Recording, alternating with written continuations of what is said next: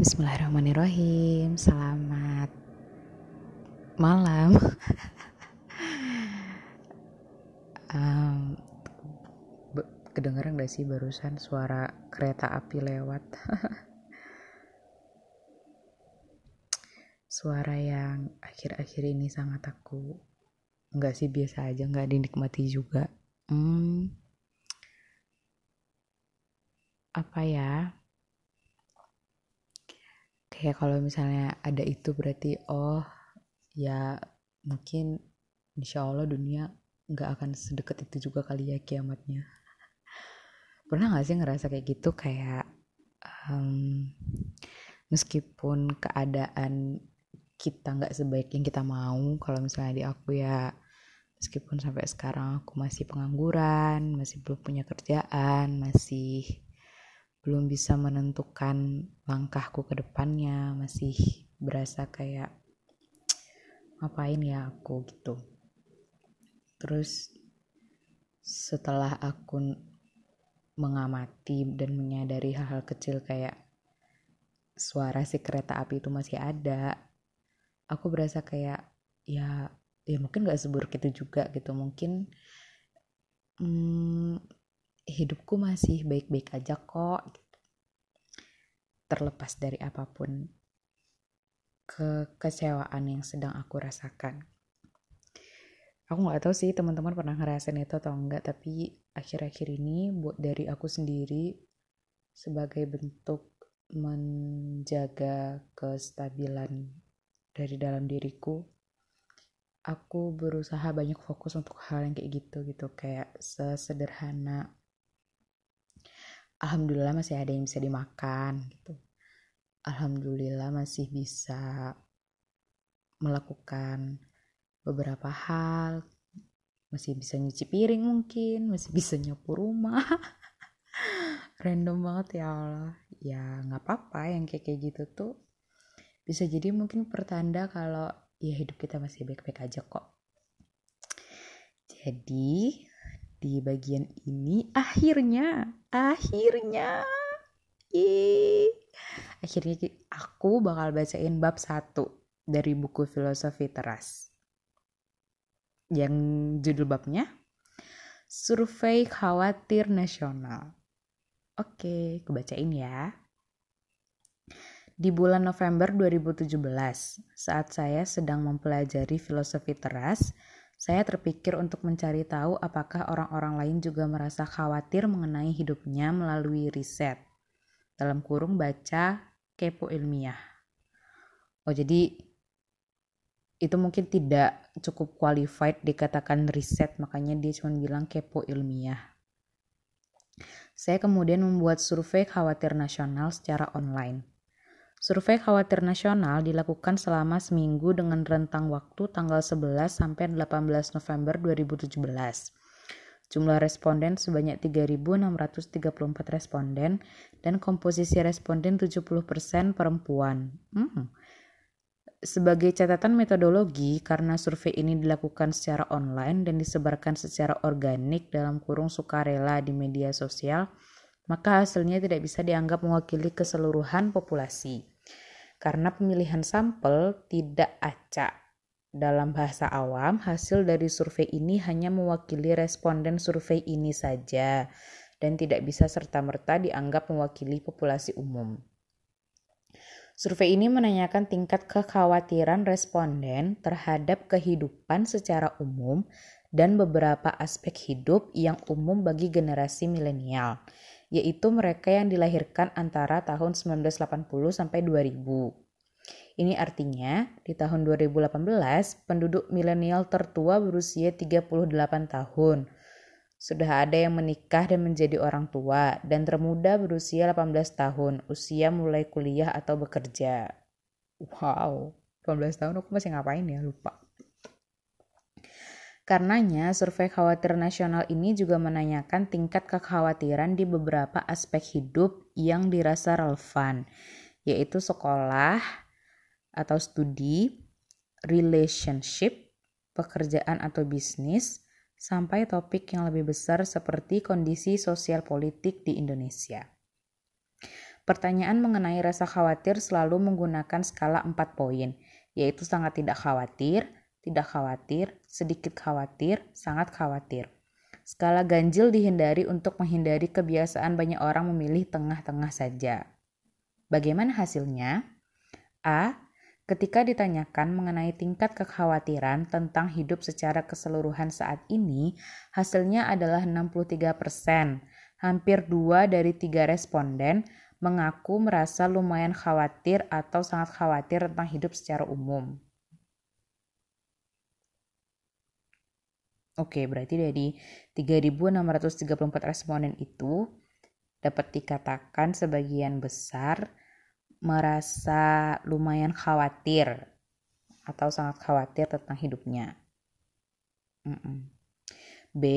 Dari responden yang masih bersekolah atau kuliah, separuhnya 53% merasa khawatir dengan pendidikan mereka.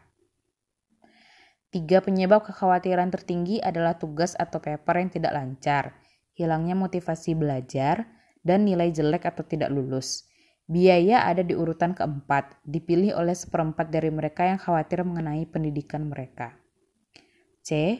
Untuk responden yang berada di dalam relationship, pacaran atau menikah, mereka yang mengaku agak khawatir dan sangat khawatir mengenai hubungan mereka ternyata minoritas dengan persentase 30%. Ini artinya mereka yang tidak khawatir mengenai relationship lebih banyak dari yang merasa khawatir. Oh, berarti ya meskipun nggak dibilang apa namanya mewakili populasi umum, tapi ya mereka lumayan pede juga ya sama relationshipnya mereka mantap lah D bagi mereka yang merasa khawatir soal relationship mereka tiga kekhawatiran utama adalah satu relationship mau dibawa ke mana?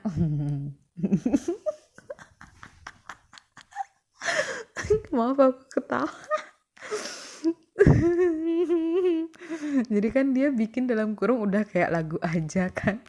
Terus sepersekian detik aku yang kayak ah udah kayak lagu aja gitu tapi terus sepersekian detik kemudian aku baru connect oh lagunya Armada gitu terus keputar deh di otakku langsung terus aku ketawa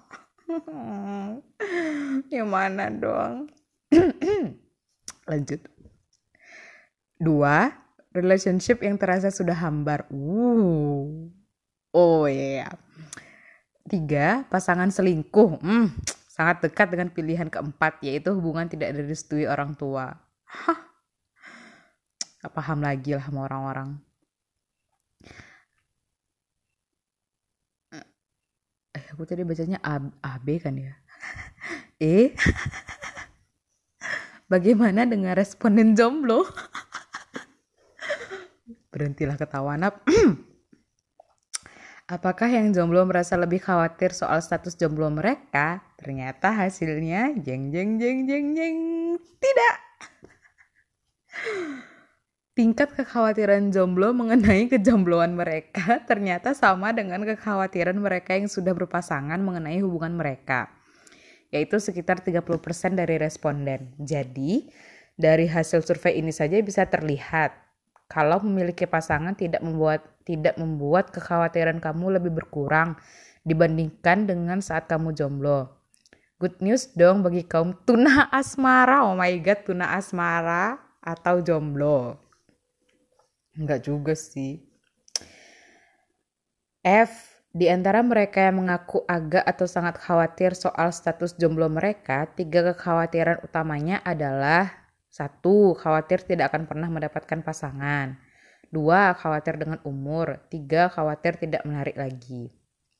Karena penasaran dan kepo, saya menanyakan kepada para jomblo yang tidak khawatir soal relationship mengenai soal relationship mengenai apa alasan mereka tidak khawatir. Hasilnya, tiga alasan tertinggi mereka tidak khawatir dengan kejombloannya adalah satu, memang sedang senang sendiri. Dua, jodoh di tangan Tuhan, dipilih separuh dari mereka yang tidak khawatir. Tiga, sedang terlalu sibuk di kehidupannya untuk punya waktu memikirkan pasangan. Wow, iri deh sama orang-orang yang sibuk. G, Bagi mereka yang memiliki pekerjaan atau bisnis, kekhawatiran akan pekerjaan atau bisnis dialami oleh sekitar sepertiga responden, 33%. Kekhawatiran terbesar mengenai pekerjaan atau bisnis adalah satu stuck di karir sekarang, dua gaji tidak mencukupi, tiga khawatir performa di kantor tidak memuaskan. H. Mengenai aspek keuangan, sekitar separuh responden, 53%, mengaku khawatir atau stres soal kondisi keuangan mereka. Bayangkan satu dari dua responden khawatir soal ini. Ini wajar sih menurutku. Maaf ya aku komentar di sini sedikit. Sebenarnya kalau misalnya kita mau membandingkan kondisi, maksudnya kan ketika kita melihat apakah bagaimana cara kita bisa mengelola, mengelola stres, kan tujuan buat dari kita baca filosofi teras ini gitu ya untuk ngajarin gimana caranya kita bisa lebih menghadapi hidup itu dengan tangguh gitu. Cuman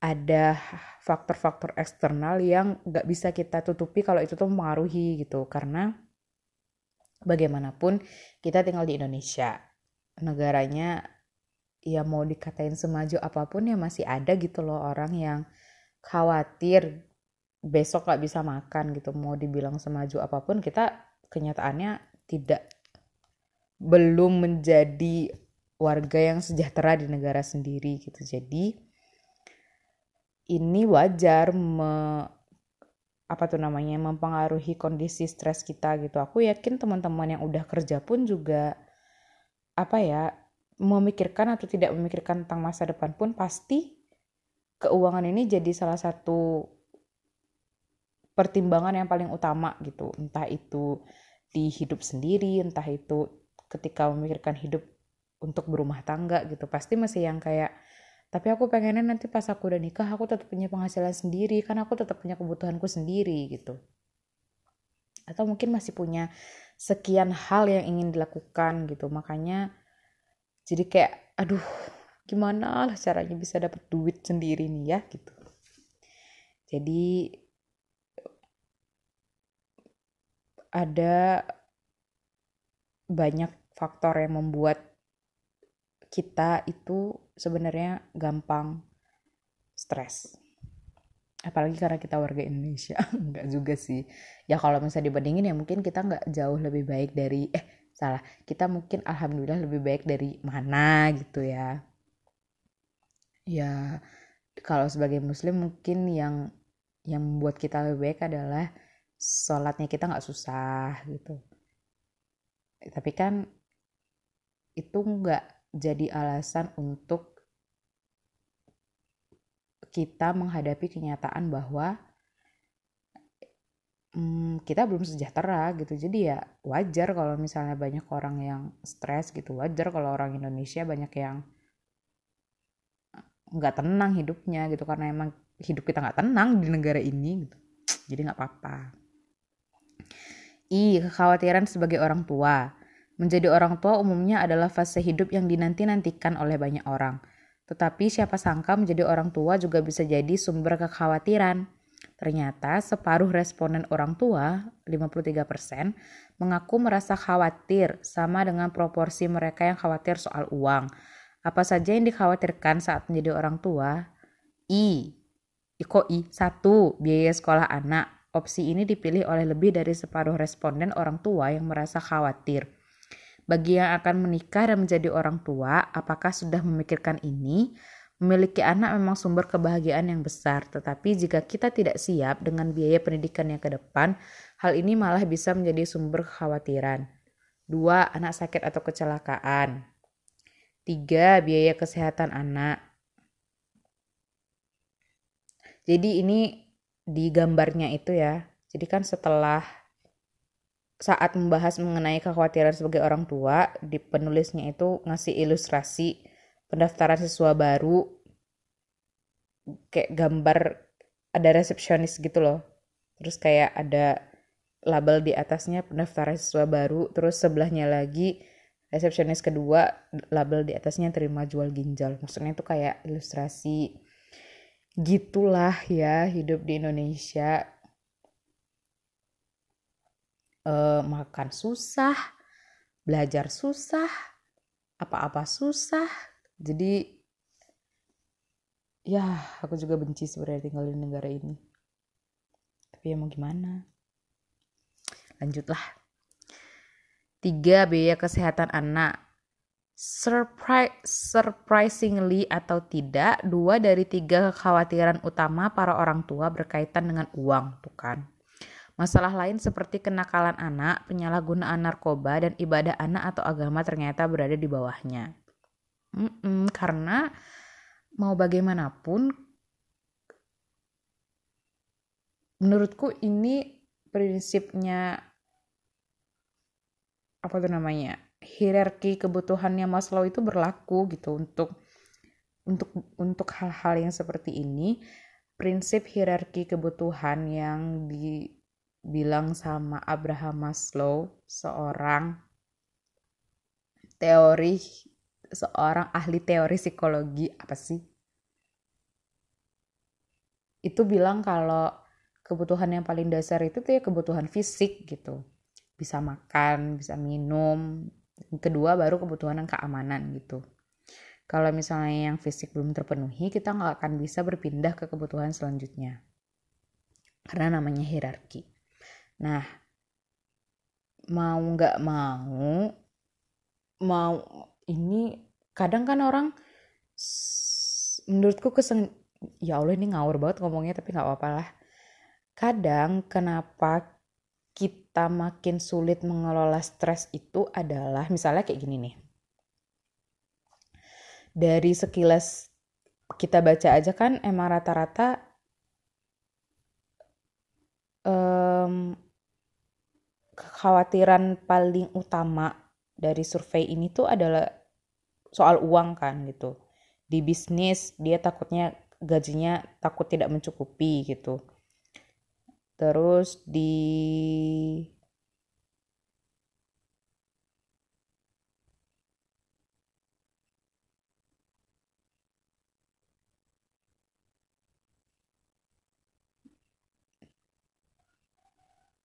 di biaya eh di kekhawatiran sebagai orang tua itu semuanya ngomongin soal biaya kan biaya sekolah biaya kesehatan gitu. jadi ya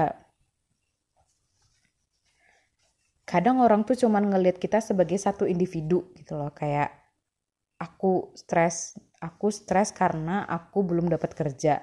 Terus orang-orang tuh ya emang sih mereka emang mampunya cuman bilang sabar ya nak um, kan rezeki kamu pasti udah Allah tentuin gitu loh. Cuman bagaimanapun itu um, tidak menjadi solusi untuk kekhawatiranku gitu loh. Maksudnya itu buk gak ketika yang dis nggak nyambung gitu loh. Kondisi yang ada kondisi realita yang ku hadapi tentang aku belum dapat kerja dengan solusi yang diserahkan ke aku adalah apa tuh namanya? Doa doa doa terus ya. Tapi bukan berarti itu nggak solusi gitu. Iya itu solusi. Cuma ya beginilah kenyataan yang kita hadapi gitu loh. Kita hidup di negara yang serba susah dan kita tidak didopang oleh pengetahuan masyarakat yang cukup untuk bisa membantu kita menghadapi stres itu gitu loh. Yang distresin soal biaya yang disolusiin uh, tambah iman. Bukannya salah tapi nggak tepat gitu loh. Karena harusnya yang diupayakan adalah um, ya mungkin ya harusnya yang diupayakan adalah gimana caranya kita bisa jadi warga yang menerima hak kemerdekaan kita untuk sejahtera gitu loh. Mm-mm. Karena menurutku mau gimana pun kalau misalnya kita pandang dari segala sisi ya gitu namanya juga kita hidup di negara yang serba susah ya pilihannya emang cuman kita yang jadi kita yang harus jadi orang yang kuat gitu loh. Di podcast yang kemarin juga sempat ngebahaskan tentang bagaimana ke keterbatasan orang-orang di sekitar kita untuk bisa menghadapi keadaan kalau kita lagi kalau kita sebagai orang yang uh, kesehatan mentalnya sedang tidak baik-baik saja gitu. Kita mengharapkan respon orang kayak gimana tapi orang nggak bisa ngerespon kayak gitu. Karena memang keterbatasan pengetahuan mereka gitu loh. Satu. Dua kemarin aku sempat bilang juga karena kultur. Ya emang inilah kenyataannya gitu. Kenyataan yang ada akhirnya memaksa kita untuk dari diri kita sendiri harus jadi lebih kuat harus lebih tahu gitu untuk gimana caranya supaya kita tuh benar-benar bisa kuat sampai akhirnya nanti kita yang bisa ngajarin orang. Random banget aku ngomong ya Allah. Lanjut ya. J sosial politik. Surprise atau enggak ya? Kondisi sosial politik ternyata menjadi sumber kekhawatiran terbesar Tuh kan, bener banget kan. Dengan 76% atau 3 dari 4 responden merasa agak sangat khawatir mengenai ini. Berikut tiga kekhawatiran tertinggi mengenai kondisi sosial politik. Hoax, facts, fake news, berita palsu. Diskriminasi suku dan agama makin meningkat, bangkitnya kaum radikal atau intoleran. Bisa dibayangkan saat kita memasuki tahun pemilihan presiden 2019 nanti, mungkin saja tingkat kekhawatiran semakin meningkat ketika suhu politik memanas. Mm -mm. Jadi ya um, untuk bagian pertama dari bab 1 bisa dikatakan bahwa sumber utama kekhawatiran orang Indonesia itu tidak terlepas dari ketidaksejahteraan kita hidup di negara kita sendiri gitu loh. Bahkan mungkin ketika kita cuma melihatnya sebagai seorang individu, bagaimanapun kita nggak bisa melepaskan itu dari kenyataan bahwa kita belum jadi warga yang sejahtera hidup di negara sendiri gitu loh. Makanya berbagai macam kecemasan itu timbul gitu loh. Kecemasan karena nggak bisa punya karir yang uh, karir yang men menjamin. Kan itu tetap aja kan bikin kita jadi nggak tenang gitu loh lanjut ya. The cost of worrying. Hmm, apa ya kalau ditranslate? Harga dari kecemasan. Lebih kayak akibat yang timbul kalau kamu cemas. Enggak juga sih. Oh nggak ngerti aku gimana cara nge-translate nya the cost of worrying. Kayak lebih ke harga dari sebuah kecemasan gitu kali ya Berdasarkan survei khawatir nasional, ada lebih banyak orang yang merasa khawatir di dalam hidup ini. Dengan dua dari tiga responden merasa khawatir secara umum. Aspek hidup yang berbeda memiliki tingkat kekhawatiran yang berbeda pula. Relationship ternyata tidak menjadi sumber kekhawatiran tertinggi, sementara peran menjadi orang tua dan keuangan cukup menjadi kekhawatiran. Di luar kehidupan pribadi, kondisi sosial politik Indonesia juga sesuatu yang sangat dikhawatirkan. So what? So what? Mungkin kamu berpikir tidakkah kekhawatiran akan hidup itu normal? Untuk apa dipusingkan atau dikhawatirkan? Oh, kayak untuk apa kamu khawatir soal kekhawatiran kamu? Gitu loh. Menurut saya, kekhawatiran adalah sesuatu yang bisa dan seharusnya dikurangi karena menimbulkan banyak biaya. Apa saja biaya dari kekhawatiran? Oh, jadi the cost of worrying itu biaya dari kekhawatiran. Satu, menghabiskan energi pikiran. Berpikir termasuk di dalamnya merasa khawatir berlebihan adalah aktivitas yang membutuhkan energi. Artinya, setiap kalori energi tubuh yang dipakai untuk khawatir adalah kalori yang tidak bisa digunakan untuk hal-hal lain yang lebih produktif. Dua, menghabiskan waktu dan juga uang. Saat kita khawatir soal studi, orang tua, keuangan, atau sosial politik negara tanpa menghasilkan solusi, kita sudah membuang waktu yang sebenarnya bisa digunakan untuk hal-hal lain yang lebih berguna. Tidak hanya waktu, kekhawatiran juga, juga bisa menghabiskan uang apabila rasa khawatir tersebut membuat kita mengeluarkan uang untuk hal-hal yang dianggap menenangkan pikiran, padahal tidak efektif. Misalnya, sebagian orang yang merasa khawatir menjadikan makanan sebagai pelipur lara, berkelakuan menyebalkan di depan keluarga dan teman-teman sekitar, atau memutuskan untuk kawin lagi, dan lain sebagainya. Hmm, jadi lebih ke kayak energi kamu cemas, tapi kamu mengarahkan energinya justru ke hal-hal yang gak jadi solusi buat kamu. Eh maksudnya mengu gak jadi solusi dan mengurangi manfaat dari diri kamu sendiri gitu misalnya kamu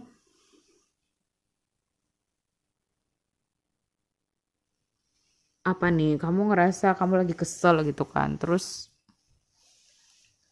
menurutmu kalau dari kata dia sih ini terus kamu akhirnya berkelakuan menyebalkan di depan keluarga dan teman-teman sekitar gitu itu biaya yang dikeluarkan akibat kamu cemas, eh, akibat khawatir. Tiga, mengganggu kesehatan tubuh.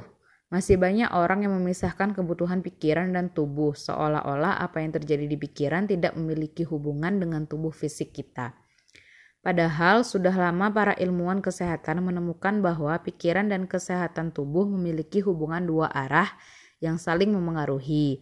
Untuk topik ini, saya khusus mewawancari Dr. Andri, seorang spesialis kesehatan jiwa yang tergabung dalam Academy of Psychosomatic Medicine, Amerika.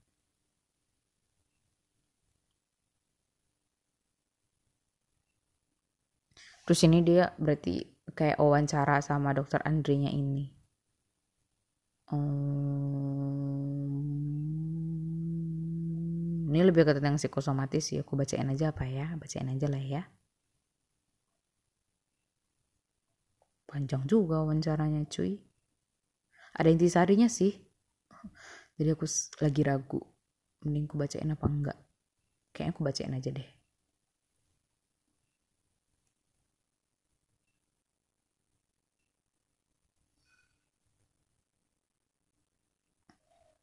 Oh atau gini aja aku bacain intisari wawancaranya singkat uh, aku bikin podcast terpisah dari ini tentang wawancaranya wawancara penulisnya sama dokter Andri ini aku bacain bacain intisarinya dulu mana dia ini oh ini dia Intisari wawancara dengan Dr. Andri. Kondisi psikis berkaitan dengan kesehatan tubuh kita.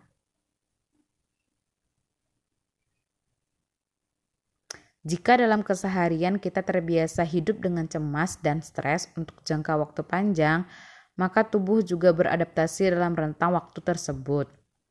Bukan situasi penyebab stresnya yang menjadi masalah, tetapi persepsi kita akan situasi tersebut.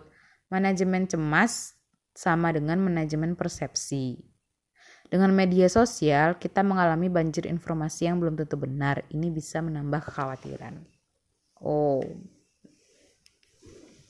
Coba kita highlight yang intisari tentang manajemen cemas sama dengan manajemen persepsi. Dari kata pengantar itu penulis ini dan intinya dari bagian kata pengantar udah dikata udah disebutin seingatku kalau filosofi teras ini pada hakikatnya adalah mengenai bagaimana kita memandang uh, persepsi, bagaimana persepsi kita terhadap segala hal, termasuk hal-hal yang membuat kita sering cemas. Contohnya, contohnya adalah, hmm, aku ceritain aku aja lah ya. Aku, aku soalnya nggak terlalu ngerti kalau nyontohin yang lain kayak gimana gitu. Awalnya aku ngerasa cemas cem ketika sebenarnya bukan cemas sih aku kurang bis bisa menempatkan apakah itu cemas atau enggak gitu. Menurutku sih aku lebih kesedih gitu. Sedih dan khawatir gitu. Ada saat di mana aku bener-bener sedih dan khawatir banget tentang duh aku harus ngapain nih? Kok aku nggak diterima di mana-mana ya? Kayak mana ya mau S2 juga. Bingung. Mau kayak gimana S2 nya ngambil S2 apa? Di dalam apa di luar? Aku mau jadi apa? Jadi dosen apa jadi psikolog? Tapi kok ya kuliah jadi psikolog kalau nggak beasiswa mahal? Kalau mau jadi dosen terus ngambil di dalam masih ada lah. Nggak akan nggak nggak semua hal jadi psikolog. Tapi kalau jadi dosen terus ngambil kuliah di dalam lebih banyak yang keterima yang kuliahnya dari luar. Ya kayak kayak gitulah. Terus aku kayak sempat ngerasa khawatir hmm, pada akhirnya ujung-ujungnya ngerasa kayak eh gak guna banget lah aku nih ampun nyusahin orang tua terus jadi beban terus gitu. Dan lah semacamnya sampai akhirnya karena itu selalu membuat aku down nangis. Kayak kalau udah down nangis itu beneran kayak nggak bisa ngomong padahal aku lagi di rumah gitu loh. Maksudnya tuh kayak aku lagi dalam keadaan di mana belum tentu orang tuaku bisa menerima keadaan aku yang lagi down dan sedih gitu loh. Nah pada akhirnya uh, semakin lama aku pun juga semakin belajar untuk mengelola itu gitu loh dengan memperbanyak sumber-sumber yang bisa memutar, mengganti kekhawatiranku jadi sesuatu yang uh, lebih bisa aku terima gitu loh. Ketika aku sedang khawatir aku dengan kondisiku yang saat ini gitu, yang aku nggak ngapa-ngapain sama sekali di rumah doang, nggak ada kerjaan apa-apa pengangguran gak guna dan segala macamnya. Pada aku pada akhirnya aku ketemu satu satu hal yang mengubah pikiranku gitu loh. Kamu gak akan selamanya kayak gini loh Nap kalau misalnya kemarin-kemarin kamu selalu melakukan sesuatu ya ini juga namanya kamu lagi ngelakuin sesuatu. Di rumah ini juga kamu lagi ngelakuin sesuatu. Akan ada saatnya kamu nggak se nggak selegowo ini nggak se selo ini. Akan ada saatnya kamu nggak akan punya saat-saat yang sekarang kamu jalanin. Ketika aku mikirin aku ketika aku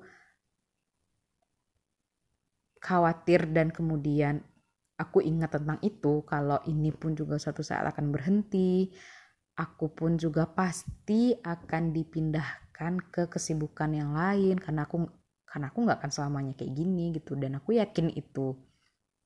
Aku yakin kalau aku selamanya nggak akan kayak gini gitu. Aku di samping aku yakin kalau Allah punya sesuatu untuk aku aku pun juga tetap berikhtiar gitu kan. Nah ketika aku mikirin itu aku sendiri pun juga kayak oh iya ya ini tuh sama aja kayak sama-sama saya yang dulu yang pernah aku jalanin gitu.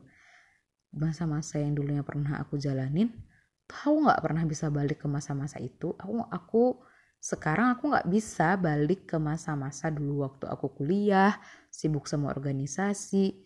Sama halnya ketika dulu waktu aku kuliah dan aku sibuk organisasi aku nggak bisa punya masa-masa yang sekarang masa-masa di mana aku beneran beneran aku dan diriku sendiri, aku dan keluargaku. Aku nggak akan punya masa-masa keintiman yang sedekat ini gitu. Aku nggak akan punya masa-masa yang sehangat ini dulu ketika aku sibuk dan sekarang Allah lagi kasih yang kayak gini. Ini pun juga nggak akan kembali lagi gitu loh. Ini pun juga adalah saat di mana aku tidak bisa kembali lagi nanti ke depannya. Jadi ya sama aja Nah, ketika aku mulai memikirkan ini aku jadi lebih tenang. Karena ya itu gitu loh, aku jadi kayak aduh, kalau misalnya aku terus-terusan sedih sekarang, sementara waktu terus berlalu dan aku nggak pernah tahu apa yang ada ke depannya. Dan aku pasti nggak akan bisa balik lagi ke masa-masa kayak gini. Ya aku yang bodoh dong gitu loh. Kok kenapa aku khawatir? harusnya ini aku gunain buat lebih iya lebih dimaksimalin gitu ya kapan lagi aku bisa bareng orang tua aku sedekat ini kapan lagi aku bisa beneran jadi anak rumahan gitu toh kalau misalnya ditimbang-timbang it's not that bad gitu. My life is not that bad. Gitu. Jadi um, kalau teman-teman merasa sulit sekali rasanya menghadapi kekhawatiran, cari sebanyak-banyaknya hal yang bisa membantu kita untuk mengatur pikiran kita gitu, menata pikiran kita gitu. Kenali kita itu gampang khawatirnya sama apa gitu. Aku paling gam aku tuh paling gampang tertrigger ketika aku tuh udah mulai mikir, sumpah nap kamu tuh nggak guna banget di detik itu aku pasti langsung nangis kayak aku langsung ngerasa ada sesuatu yang gak enak di dadaku terus tenggorokanku kayak ah ya aku juga baru tahu ternyata kalau misalnya apa tuh namanya kalau kita nangisnya itu nggak keras nggak yang bersuara itu tenggorokan kita tuh sakit jadinya karena teka karena tubuh kita tuh merasakan tekanan yang luar biasa tapi itu nggak dikeluarkan terus makanya jadinya tenggorokan kita tuh sakit. Terus soalnya aku kepo banget selama ini waktu aku nangis tuh kenapa ya tenggorokan tuh rasanya tuh sakit banget sakit banget sakit banget itu nggak enak banget terus aku baru tahu kalau ternyata itu emang reaksi dari tubuh. Dan kita nggak akan ngerasa tenggorokan kita sakit kalau misalnya kita nang kita nangisnya teriak gitu. Kalau kita nangisnya tuh nggak ada suaranya baru rasanya tenggorokan itu sakit. Dan selama ini aku kalau nangis pasti nggak ada suaranya. Nggak tahu kenapa dari dulu udah kayak gitu. Nah apa tadi aku bilang? Hmm, ya kan? Jadi aku tuh paling gampang tertrigger kalau aku tidak kepikiran kenapa kamu tuh useless banget? Kamu tuh cuman beban gitu. Ketika itu hadir aku tuh langsung yang kayak reaksiku tuh pengen nangis. Di saat itu kalau dari aku aku nggak yang langsung langsung eh nggak nggak nggak gitu nggak gitu nggak gitu nggak yang kayak gitu juga sih gitu. Aku membiarkan diriku untuk mengenali mengenali sedikit gitu. Um, oke. okay, kenapa tiba-tiba mikirin kayak gitu gitu? Kenapa tiba-tiba mikir nggak guna gitu? Oh karena ini karena ini karena ini. Terus aku kayak apa ya aku berusaha bujuk diriku sendiri buat nah kamu tuh kayak gini tuh nggak akan selamanya loh. Kayak gini tuh pasti bakalan berhenti loh. Kayak apa ya? Uh -uh, berusaha buat bujuk diri sendiri berusaha buat bilang ke diri sendiri. Tapi tetap ngerasain keselnya gimana gitu. Jadi nggak yang denial totally denial sama rasa kesel atau marah atau kecewa sama diriku sendiri juga gitu. Cuman aku kayak pelan-pelan berusaha membujuk diriku sendiri untuk udah ya nggak usah khawatir. Yang kamu rasain sekarang pasti berlalu. Yang kamu jalanin sekarang pasti berhenti. Kamu pasti akan berpindah ke kesibukan yang lain kamu pasti akan berpindah ke kebaikan yang lain yang Allah takdirkan. Oke? Oke. Udah? Nangisnya udah? Sedihnya udah? Oke. Kita ngapain ya di sini? Nah, kalau aku lebih ke kayak gitu sih. It's not that 100% berhasil karena hmm, ada masalah-masalah dasar yang memang harus dihadapi tapi aku sendiri pun juga belum sanggup. Jadi ketika kita menyadari kalau kita memang butuh bantuan ya menurutku sebaiknya sebaiknya segera cari bantuan segera cari hal, hal segera cari orang. Kalau emang butuh ke psikolog ya segera ke psikolog gitu. Karena kalau enggak semakin lama kita biarkan semakin susah takutnya semakin susah untuk kita mengenali akarnya apa. Karena kalau akarnya itu enggak ke cabut takutnya diri kita hmm, nggak mm, free gitu loh nggak merdeka dari perasaan itu. Di saat kalau kita nggak merdeka dari perasaan itu ya don't you feel bad to yourself? Don't you feel you have the right to be happy? Why would you? Kenapa kita harus mengungkung diri kita sendiri di dalam kesedihan yang nggak pasti di saat kita cuma dikasih satu kesempatan untuk hidup dan ya meskipun kita harus berjuang untuk menjadi yang benar tapi nggak berarti kita nggak bisa bahagia gitu loh menurutku sih. Oke itu dari aku. Semoga podcast kali ini uh, menambah menambah apa apa ya intinya semoga podcast yang kali ini uh, jadi kebaikan juga. Nggak tahu buat siapa. Tadi aku baca Bismillah nggak ya? Aku lupa tadi aku baca Bismillah atau enggak intinya mari kita tutup dengan Alhamdulillahirabbil alamin semoga